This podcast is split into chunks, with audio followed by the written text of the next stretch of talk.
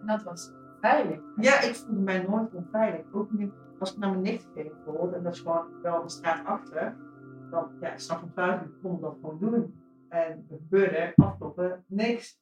En, en waarom gebeurde er niks en waarom was het zo veilig? Ik weet, en misschien omdat iedereen elkaar een beetje ook kent. En da- inderdaad, Ja, iedereen kent elkaar. Of zo, ik bedoel, ja, tenminste, Niet dat je ooit... Ja. ja. het is wel één keer gebeurd, maar dat was echt eh, iets heel anders. Maar ja, ik, voelde, ik weet niet, ik voel me altijd heel veilig. Nog steeds wel eigenlijk. Mhm. Dus het, is, het wordt wel een criminele buurt, of het werd een criminele buurt wel genoemd. Maar ja, En hadden jullie daar last van dat mensen dat, eh, die mening hadden over Ja. ja, het is, een, ja, het is echt zo'n, eh, hoe noem je dat, zo'n volksbuurt of zo noemen ze dat toch? Ja, we hadden het daarover, hè? Want eh, wat dat betekent eigenlijk. Hè? Want we hadden Ja. een gesprek met eh Sander Philips, de historicus, en wij vroegen van waarom worden dingen volkswijk genoemd? Toen zei hij ook, ja, nou, volk is echt wat vroeger ehm, de bourgeoisie, dus de mensen die te zeggen hebben, nog steeds Ja. gebruiken voor gewoon het voor, voor lagen, voor mensen, een soort van Mhm. als op een, op een afstand. Want wat betekent volks eigenlijk? Snap je? Dus Ja. wij, wij, en, ik, en ik heb je helemaal waar wat je zegt, want wij noemen deze wijk een, een eh, volksbuurt. Maar waarom? Dus eigenlijk, om het aan te geven, dan toch denk ik, ik weet niet wie je daarover denkt, ja, een wijk waar heel veel mensen wonen met in sociale, lage economische klassen. denk het ook wel, maar ook misschien dat er ook, ehm, wat we net zeiden, heel kleurrijk of zo, misschien ook dat. Dat er een beetje van, ja, vooral nu, want eh, het is niet zo, vind ik. Ik bedoel, eh, er wonen ook zelfs mensen die best wel gewoon goede inkomen hebben en ook een goede baan hebben. Ja. Maar dat is misschien meer iets van de afgelopen tien jaar of zo, denk ik. Die Ja, was dat vroeger niet toen jullie opgroeiden? Ja, ik weet niet. Dat weet ik zo ja, niet. dat weet ik ook niet, want ik was toen natuurlijk wel jonger. Ja, dat let je dan natuurlijk niet op. Je gaat gewoon naar school en eh, dat is het. Mhm. Maar ik bedoel, eh, als ik bedenk dat wij ook gewoon op zich gestudeerd hebben.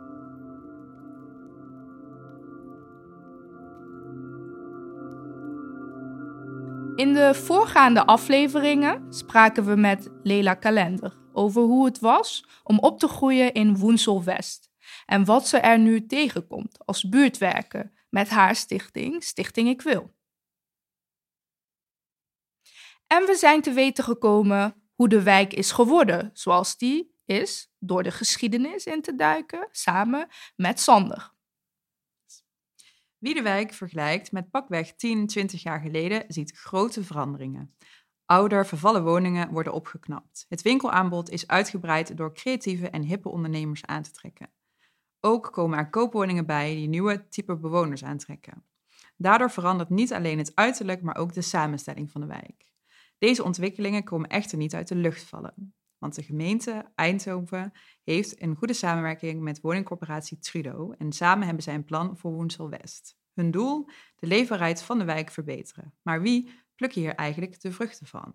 We praten hierover met Rashida Feti. Zij is gebiedscoördinator vanuit de gemeente Eindhoven en een bekende naam in Woensel West. Rashida kent de wijk uit haar duimpje. Regelmatig voert ze gesprekken met alle partijen die betrokken zijn in de wijk, zoals de woningcorporatie, de wijkpolitie, buurtbewoners en vrijwilligers. Rashida, welkom. Ehm, we zitten hier nu midden in de Edesonstraat. Het is eigenlijk een soort van jouw speelveld. Wat maakt jouw werk nou zo leuk en uitdagend? Ehm, ik denk het is heel dynamisch werk. Dus als ik eh, naar een, eh, een gemiddelde werkdag kijk, dan kijk ik wel even voor de coronatijd en na de coronatijd, want er zit Ja. natuurlijk wel een verschil in. Ja, Is dat je, ehm, kijk, als gebiedscoördinator ben je een soort van spin in het web. Hè? Dus je stuurt de wijkaanpak aan. Dat doe je nooit alleen. Dat doe je altijd met mensen en met partners. En dat maakt dat ik gewoon eh, met heel veel verschillende soorten mensen te maken heb. Hè? Dus ehm, eh, denk aan en soms in overleggen eh, met de directeur van de woningcorporatie, eh, tot aan de bewoners eh, eh, die tot een aantal jaren geleden niet konden lezen en schrijven en dat nu wel kunnen. Dus het is heel, heel divers. Hè? Dan zit je met de wijkagent, dan heb je met de jongerenwerker. Dus ik vind ehm, dat maakt het. ehm, ja, dat, dat maakt het voor mij persoonlijk wel leuk. De, ik, ik put mijn energie wel echt uit al die verschillende contacten en mensen. En om daarin ook zeg maar de verbindingen te leggen en mensen bij elkaar te brengen. Ja, dat is eigenlijk wel het, het mooiste, vind ik. Ja, kan ik me voorstellen, klinkt inderdaad heel erg uitdagend en heel erg veelzijdig. Hoe zou jij ehm, de wijk dan omschrijven als, als jij aan Woensel West denkt? Waar, want je wordt er volgens mij, ik zie dat je er een beetje warm van wordt. Ook, als je erover ja, vertelt. ja, ja, ik heb wel een eh, grote voorliefde in, eh in eh, Woensel West. Want ik, ik werk hier nu sinds drie jaar als gebiedscoördinator. En is dat lang, eh, zeg maar, in de terms of gebiedscoördinator? Nou, nee, dat is niet. eh, kijk, wij zitten in een, het is een netwerkfunctie, hè? Dus daarin is continuïteit heel belangrijk. Dus zeg maar, voordat je het gebied goed kent en de netwerken op hebt gebouwd, ben je toch al zeker wel een jaar verder. Alleen is het zo eh, dat ik daar deels een voorsprong in had, omdat ik Woensel West ken uit meerdere rollen. Dus ik heb hier, toen ik nog student was, stage gelopen, een jaar lang. Eh, toen eh, zat het oude buurthuis eh, nog in de Watstraat, waar nou Bockland Square zit. Dus dat was mijn stageplek. Dus daar heb ik al hele mooie herinneringen aan. Maar wat was dat voor stage? Was dat een maatschappelijke Ik, stage? eh, ja, ik, dat was toen ik de opleiding Sociaal-Cultureel Werk deed. En ik was toen ehm, onder, onder leiding van Bea van Otterdijk. Dat weet ik nog. Die was de welzijnswerk. Dat is een van mijn favoriete welzijnswerk, waar ik heel veel van heb geleerd. En eh, wij, ik liep toen stage bij het IAAP De Klaver. Dat is, is toen opgezet door een eh, buurtbewoonster. En het was een informatie- en adviespunt voor vrouwen. Omtrent taal, omtrent... En dat was echt nog helemaal in het begin. Welke tijd hebben we het dan, als je zegt helemaal in het begin? Even teruggraven Nou, misschien. Moet ik even gaan eh, graven. Maar dat is in die periode, ik denk dat we het toen hadden over eh 2005, 2006 zo ongeveer.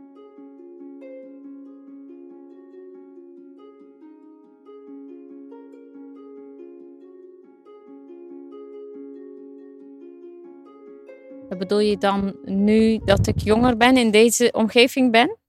Ja, dan, eh, dan zou ik het ingewikkelder vinden. Van, eh, dat het nog complexer is geworden eigenlijk. Van, er zijn veel winkels en ondernemers bijgekomen die bepaalde belangen hebben.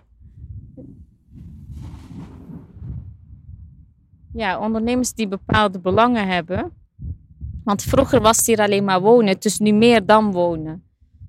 Dus dan, ja, wat, wat brengt het dan met zich mee? Ook klanten, want ook eh Bakelandplein met eh, sekswerkers, die trekt ook een bepaald publiek en die is niet weg. En de koffieshop ook, die is ook niet weg. Maar er komen nog meer ondernemers die toch weer een andere doelgroep trekken. Dus ik vind dat die complexiteit, als ik nu zo kijk, toe, toegenomen is. En zou je dan zeggen voor de jonge Lela's die hier nu wonen, dat dat dan een voordeel of een nadeel zou zijn ten opzichte van hoe jij het had? Toch wat meer monotoon? Ja, ik was zeven jaar toen ik naar Nederland kwam. En toen hebben we bij de Groenewoudse weg gewoond. Dat zijn huizen eigenlijk voor één persoon. En daar hebben we met z'n uh, vijven in gewoond. Ik denk uh, zes maanden of zo. En ik, uh, ik nam altijd de bus naar de school waar ik Nederlands leerde.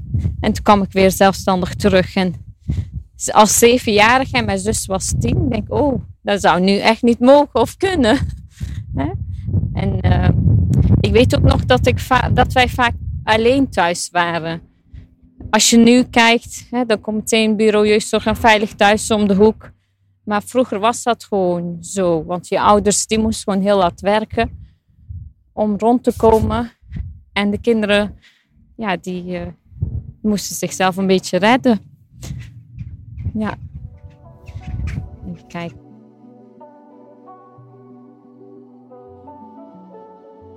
En jij bent dus eigenlijk ook een soort een mediator. Iemand die ervoor zorgt dat allebei, alle partijen, hè, dat hoor ik net ook zeggen, elkaar horen en begrijpen. En kan dat wel eens een uitdaging zijn?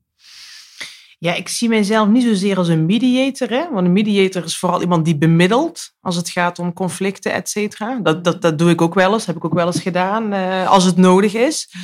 Ik zie mijzelf meer als een verbinder, zeg maar. Dus um, um, kijk, ik probeer zeg maar alles wat er in um, leeft en speelt zo goed mogelijk te zien en te begrijpen. Um, want juist als je die informatie hebt en veel weet over het gebied, kan je ook de verbindingen maken. Hè? Dus als ik weet welke vragen mensen hebben en welke partijen er zijn die actief zijn en die iets te bieden hebben, dan probeer ik daar uh, zaken of mensen aan elkaar te koppelen, zeg maar. Dus ik zie mijzelf meer als een verbinder en ook gewoon als het eerste aanspreekpunt eh, voor bewoners, voor ondernemers en voor collectieve samenwerkingspartners vanuit de gemeente. Dus als mensen, we zijn ook, ik zie mezelf daarin wel als een soort van medium tussen het systeemwereld wat wij hebben in de gemeente, de Ja. gemeentelijke organisatie, en de leefwereld in de wijken.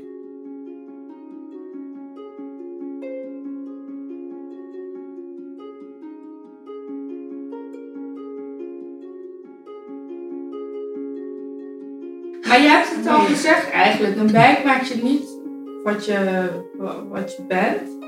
Eh, dat heeft meer te maken voor jou met opvoeding dus. En het heeft ook meer te maken met wat je zegt, studie.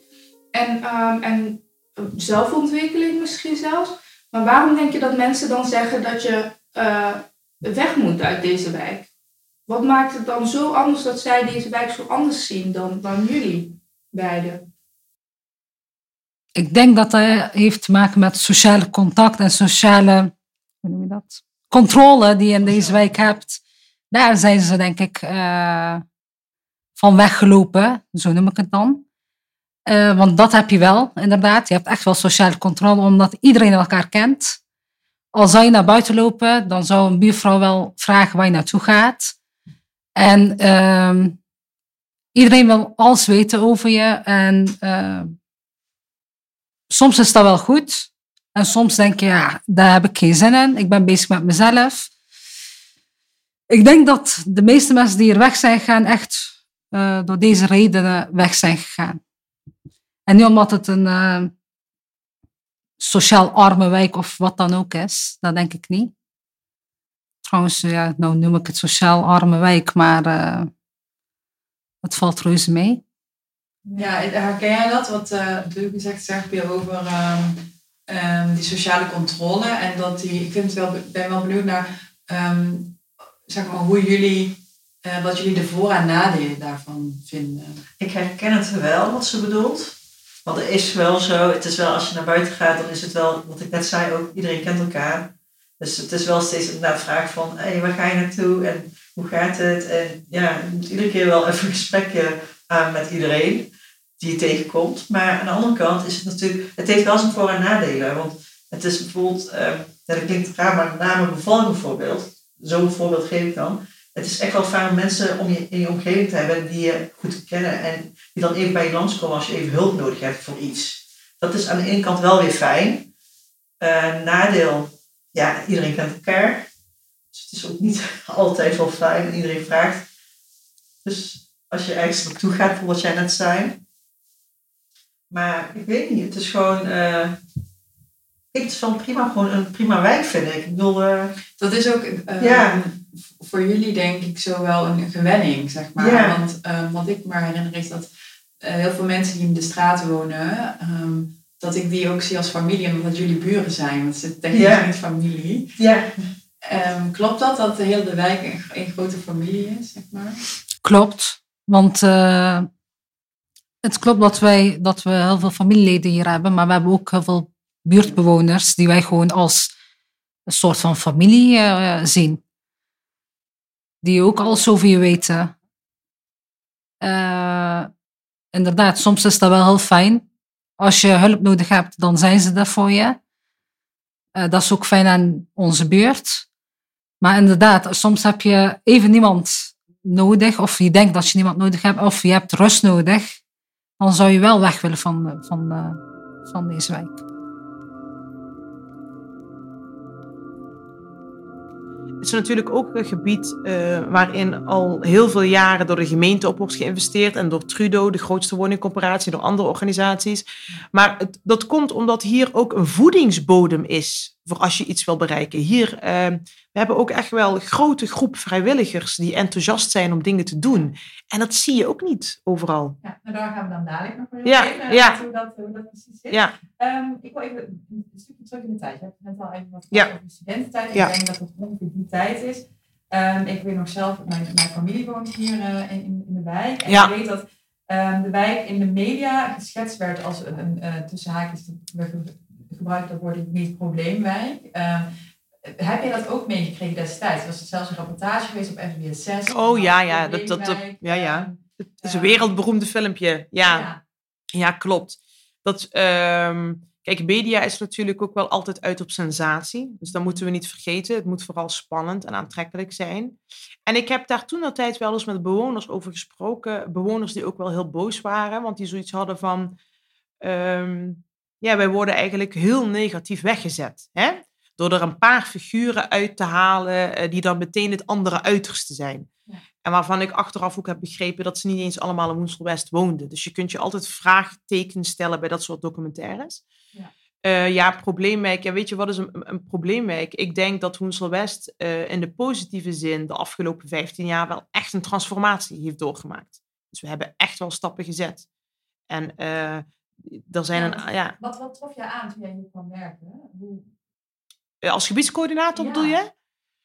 Nou, eigenlijk ehm, eh, trof ik ehm, ja, een wijk die heel anders was. Hè, dus echt wel een verandering. Hè. Als ik terugkijk, zeg maar, toen ik hier nog eh, werkte, een andere decor. Omdat de wijkvernieuwing natuurlijk was al veel verder. Hè. Qua woningen, veel meer eh, winkels trof ik aan. Ehm, maar ik zag ook wel, ja, ook wel zeg maar, eh, verschillende werelden en verschillende groepen. Eh, want je hebt natuurlijk mensen die hier eh hun hele leven lang wonen. Je hebt bewoners die erbij zijn gekomen.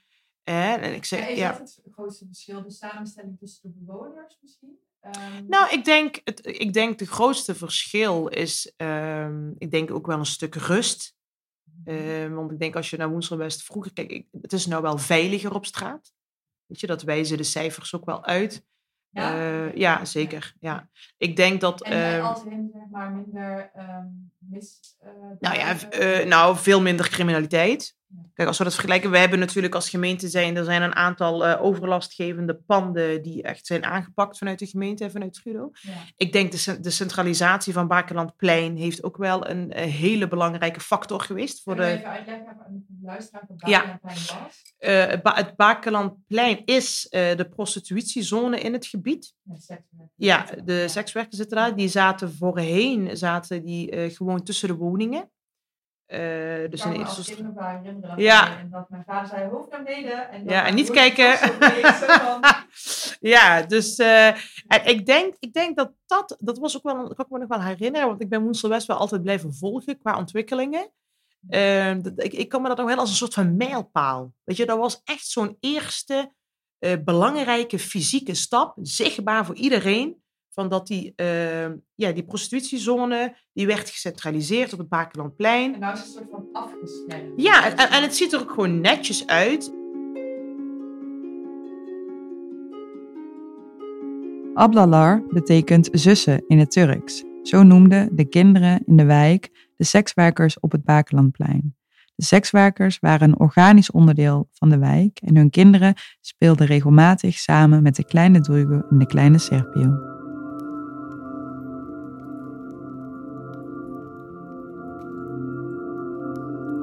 Je went er wel aan. Maar als je in een andere wijk komt met een ander kind daarover praat, dan kijken ze je wel heel raar aan van, waar heb je het nu over? Maar wij zijn erin opgegroeid, moet ik zeggen. Allemaal? Ik ging bij ze aanmelden, ik rende altijd weg. Dus eh, De sekswerkers aflaten. Ja, maar ik, ik, ik had een keer gewoon, want ik woonde eh, op de Ezelstraat vroeger. Toen ik klein was, woonde ik op de Ezelstraat op de hoek waar nu, volgens mij, ja, is op de hoek De van de Baaklandplein, zeg maar. Maar dan op de Ezelstraat, dus tegenover Arif, zeg maar, woonde ik. En volgens mij, mijn moeder vertelde een keer dat ik een lolly had, opeens een lolly had. En ze vroeg me zelf bij gevraagd van, van wie heb je lolly gekregen? Ja, van een van die abbel die voor de raam staat.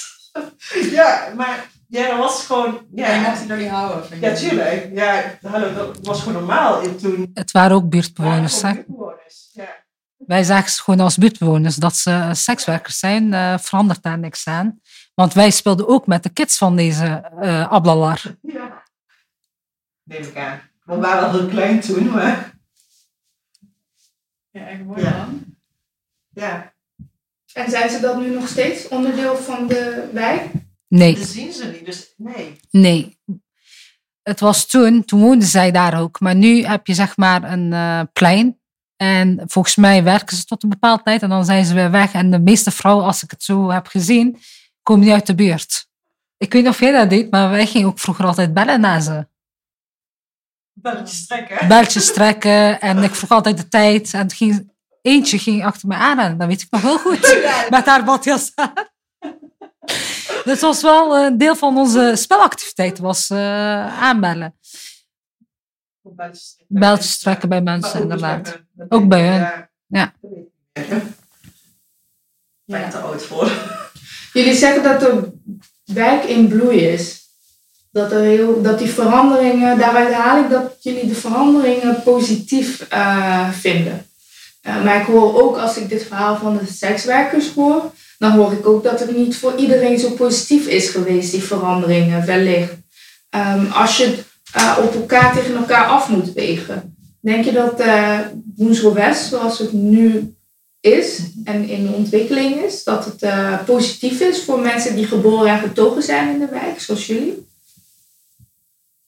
Um, ik vind het op zich. Ik zit er denk ik echt tussenin. Nu het zo vraagt. Ja, het is echt. Uh, want ik vind dat het wel gewoon goed ontwikkeld is. Dat gewoon als nu gewoon goed is. Want ik voel me nog steeds. Uh, het is wel erg uh, qua. Um, Populatie ja, is veranderd. De mensen die er wonen is ook echt veranderd na uh, een aantal jaren. Er wonen best wel veel jonge mensen. Inderdaad, veel jongeren komen hier wonen, studenten, uh, jong af, afgestudeerden. Of, ja, eigenlijk heb je nu een andere populatie. Het is echt wel aan het veranderen.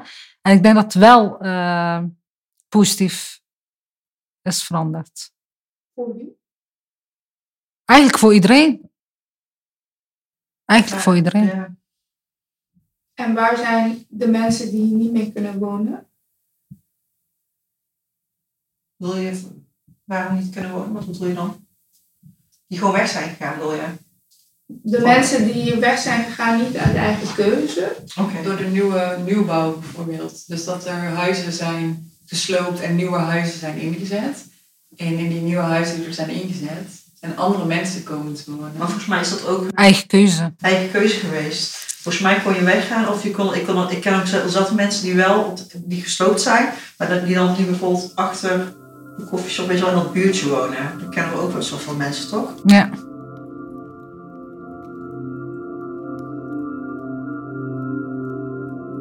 De woning waar ik als laatste heb gewoond hier in de wijk.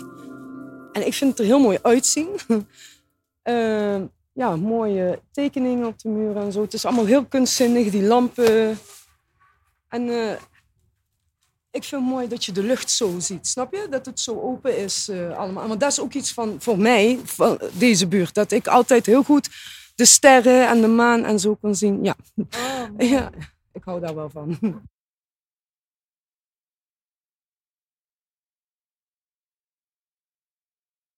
Ehm, ik mocht niet meer terug in deze wijk. Of ja, ik moest dan nog even wachten, zeg maar. Maar eh, mijn huis was zo beschimmeld dat ik zei: nee, ik wil nou weg, maar ik wil wel weer terugkomen. En toen zei ze tegen mij: nee, je mag niet meer terugkomen.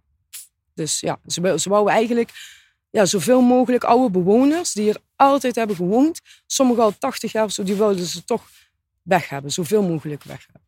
Het ziet er ook heel anders uit dan toen wij hier. eh, hoe wij hier zijn opgegroeid. Wij zijn met oude straten, oude huizen, alles oud. eh, woningbouw die amper iets kwam veranderen of zo, weet wel. Zo zijn wij hier opgegroeid. En ja, heel veel mensen die zijn weg en er zijn er allemaal nieuwe mensen wel. Ja, het ziet er wel mooi uit. Eh, hier vandaan komt. Het is niet zo dat je andere kleren draagt of zo. Tuurlijk heb je mensen die er onverzorgd bij lopen en zo en niet zo netjes. Maar genoeg mensen die gewoon nette kleren en zo altijd aan hadden. Maar door alles wat je hebt meegemaakt en hebt gezien en hebt gehoord, heb je een andere blik. Weet je wel, een andere uitstraling. En ehm, eh, de veranderingen kwamen toen er andere mensen hier kwamen met nette pakken aan. En ja, heel anders gewoon. Ik kan dat niet zo heel goed uitleggen. Ze praten anders aan, andere, toch wel andere woorden, andere taal. Ehm, hun hebben weer een andere manier van kijken en denken. En ja, daaraan merkte je daar wel. Die kwamen dan, hè, waren vooral mannen, blond. En ja, niet zo gekleed, zeg maar. Heel netjes gekleed in pak. En dan liepen ze. En eh, als je hier opgroeit, iedereen zegt hallo, weet je wel. Iedereen kijkt elkaar aan, iedereen groet elkaar. En die mensen deden dat helemaal niet. Ze liepen gewoon. En met elkaar praten. Weet je wel. En ze gingen gewoon ergens kijken of zo. Maar eh, ja, geen contact met eh, de medebewoners. Iedereen was altijd op straat. Vroeger of het nou winter was of zomer was, dat maakt niet uit. Er was altijd wel eh, iets te doen buiten. Dus ja, zo begon het. ja, ze kwamen kijken en ehm, uiteindelijk heb de woningbouw, eh, die hebt zeg maar 10, 15 jaar lang lopen zeggen van ja, we gaan eh, renoveren, we gaan slopen. En het kwam er maar niet van. En uiteindelijk ging het ineens heel snel. Weet je wel, en eh, kwamen er andere winkels. Vroeger waren hier wel veel Turkse slagerijen en zo, hè, die je hier allemaal had. En dan, kijk, daar kon je bijvoorbeeld, als, als je geen geld had, hè, soms heb je geen geld, kon je bij die winkel poffen. Dus kon je boodschappen halen, schreven ze op een lijstje. En dan kon je die komen betalen wanneer je geld had. En de, ja, dat, was, dat is nou allemaal niet meer. eh. Dus dat vertrouwen in elkaar ja, is was weg. toen heel erg. Ja, dat was er heel erg, ja. Want iedereen ken, kon elkaar wel bijna. al. Of, ja, snap je? Dus, eh, en als er niet werd betaald of zo, werd er ook niet moeilijk gedaan. Maar dan kon je het gewoon de volgende keer niet meer, weet je wel. Maar je werd wel echt, van alle kanten eigenlijk, werd je geholpen. Het was echt wel een eh, veilig nest. Ondanks alle dingen die hier afspeelden, was het toch een veilig nest. eh, hier thuis. Eh, hier in deze buurt. Wat ook thuis is. ja, wat ook thuis ja. is, ja. En eh, je zegt dat je aan de overkant van de Bosdijk, eh, Ja, die eh, kant, ja. die kant, Ja. ehm, ehm, eh, op school zat. Ja, klopt. Ja, op de basisschool. En de basisschool, dat is denk ik dan ook wanneer je voor het eerst in aanraking bent gekomen met mensen die anders opgroeien dan jij. Ja, opgroeien, ja, klopt. Ja. Eh, hoe was dat? En waar merkte je dat dan aan? Nou, daar eh, op de basisschool was er niet heel groot verschil. Maar daar merkte ik dan bijvoorbeeld dat kinderen niet bij mij mochten spelen. Weet je wel? Ik mocht op zich wel bij die kinderen spelen, maar die kinderen mochten niet bij mij spelen. Maar toen ik naar de middelbare school ging, en toen, want toen kwam je nog meer eh, in contact met andere mensen, ook uit andere steden en zo. En eh, toen merkte ik, toen wij klein waren, was hier iedere winkel een huis, zeg maar. Hè. Iedereen had, ja, dat was dan wel criminaliteit, maar er was kleding, er waren sieraden, er was van alles wat je hier kon kopen. En ik vond dat heel normaal. Maar dat was niet eigenlijk, maar dat wist ik niet, snap je? Dus, en toen ging ik naar de middelbare school. Dat was niet normaal. Ja, dat- al die, je kon bij ieder huis kon je kleding kopen. Het was van de vrachtwagen afgevallen, noemen ze dat. Hè? En toen ik op de middelbare school kwam, toen pas kwam ik erachter van... hé, dat is niet normaal eigenlijk. Hè? Niet iedereen... eh, je kan niet bij iedereen eh, eh, binnen iets kopen of zo, snap je? Dus toen merkte dat ook. En een keer bij maatschappijleer, ja, moest ik dan helemaal uitleggen hoe het was om hier op te groeien, weet je wel. En maar ook nog steeds dat... Dus wat was het een onderwerp van, van, een, van een les? nee, helemaal niet. Hij? Wie vroeg de, dat de, jou? de leraar. Het was helemaal geen onderdeel van de les. Ik weet niet meer wa- waarom hij het vroeg. Maar ik stond er ook heel raar van te kijken. Ik, eh, het werd een beetje een kruisverhoor en dat had ik niet verwacht, weet je wel. Eh, Was het, het een soort van, het ging dan iemand op safari mee in je wijk? Of, of was het gewoon dat je moest verantwoorden waar je woonde of zo?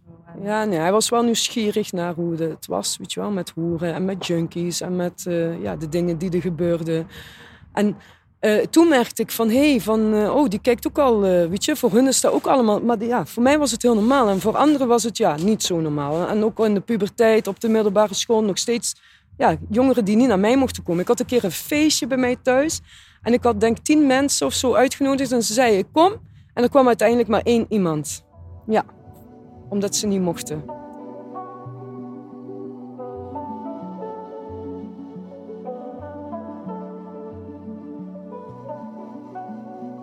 Behalve dan, wat jij net zei, het seksvraagjes bijvoorbeeld. Volgens mij is dat niet hun keuze geweest, want dat is gewoon besloten vanuit hoog God, denk ik dan. Ik weet niet.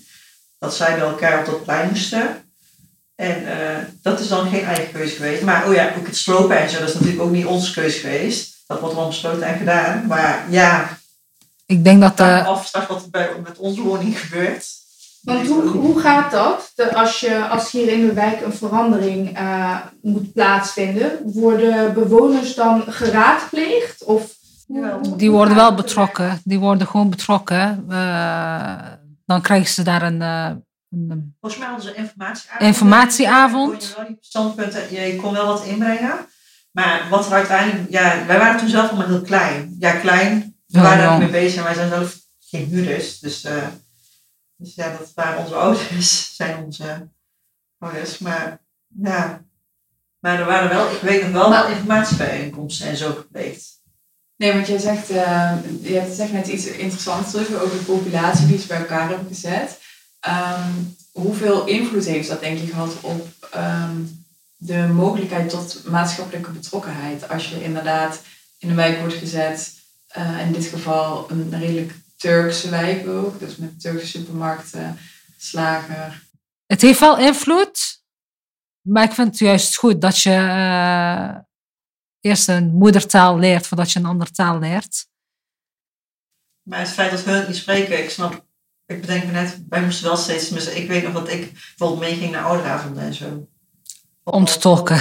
Wel even mee te praten, want eh, ja, ze begrepen het niet altijd, dus dan moet je wel meegaan. Dat ben soort dingen, ja. Dan ben je een beetje je eigen ouder. Ja. Ja, ja. Want je bent wel aan het tolken.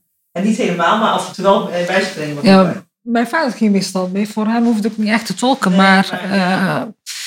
Maar voor je moeder, ja, bij- mijn moeder, die, ja, die snapt het niet. Dus ja, bedenk me net. Ja. En soms ook zelf het, eh, was leuk. Mooi maken dan het was. En soms zelf gewoon naar school bellen en ziek melden. dat, heb- dat heb ik Ja? nooit gedaan. Ja, ik, ik wel. Ja. Ja, maar, maar dat kan iedereen doen, zeg maar. Ja. Ja. Dat het niet zoveel met de taal, denk ik. Inderdaad, dat denk ik ook.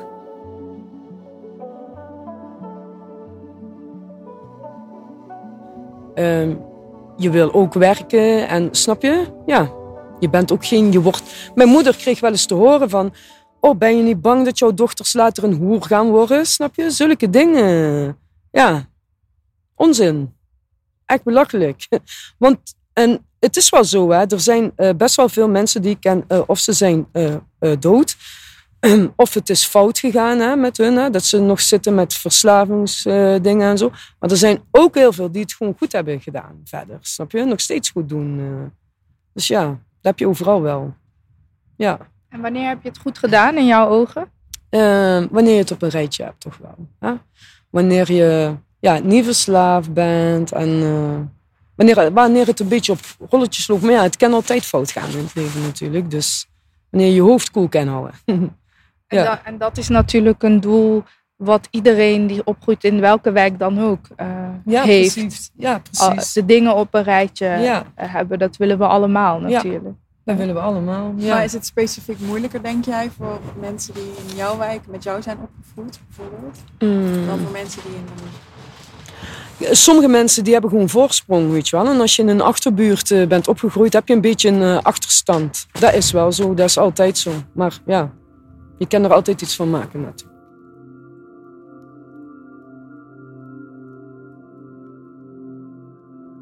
Voel jij je Turks, Nederlands of allebei? Ehm, ik voel me ook wel gewoon veel Turks. Maar ook wel gewoon Nederlands door de mensen om me heen. Waarom laten de mensen om je heen je Nederlands voelen? Ehm, ik denk gewoon ehm, de taal en gewoon de manier hoe ze leven en zo. Hoe leven ze dan? Met ja, gewoon heel anders in Nederland en gewoon de taal, de cultuur. En ehm, als ze dan gewoon heel vaak met je omgaan, dan voel je en Nederlands en Turks. Maar het meeste Turks natuurlijk. Waarom natuurlijk? Want ja, thuis praten we ook wel veel Turks en als we naar familie gaan, dan ook. Zou je in Turkije kunnen wonen? Ehm, ik denk het wel, maar ik denk wel dat het daar allemaal anders is. Als je moet kiezen tussen in Turkije wonen en in deze wijk blijven wonen, wat zou je kiezen? Dat is wel moeilijk, maar vooral, ehm, ik zou wel echt naar Turkije willen, want daar is het ook anders, de weer en gewoon de omgeving. Maar nu ben je ook echt gewend om in Nederland naar school te gaan en daar is het natuurlijk anders.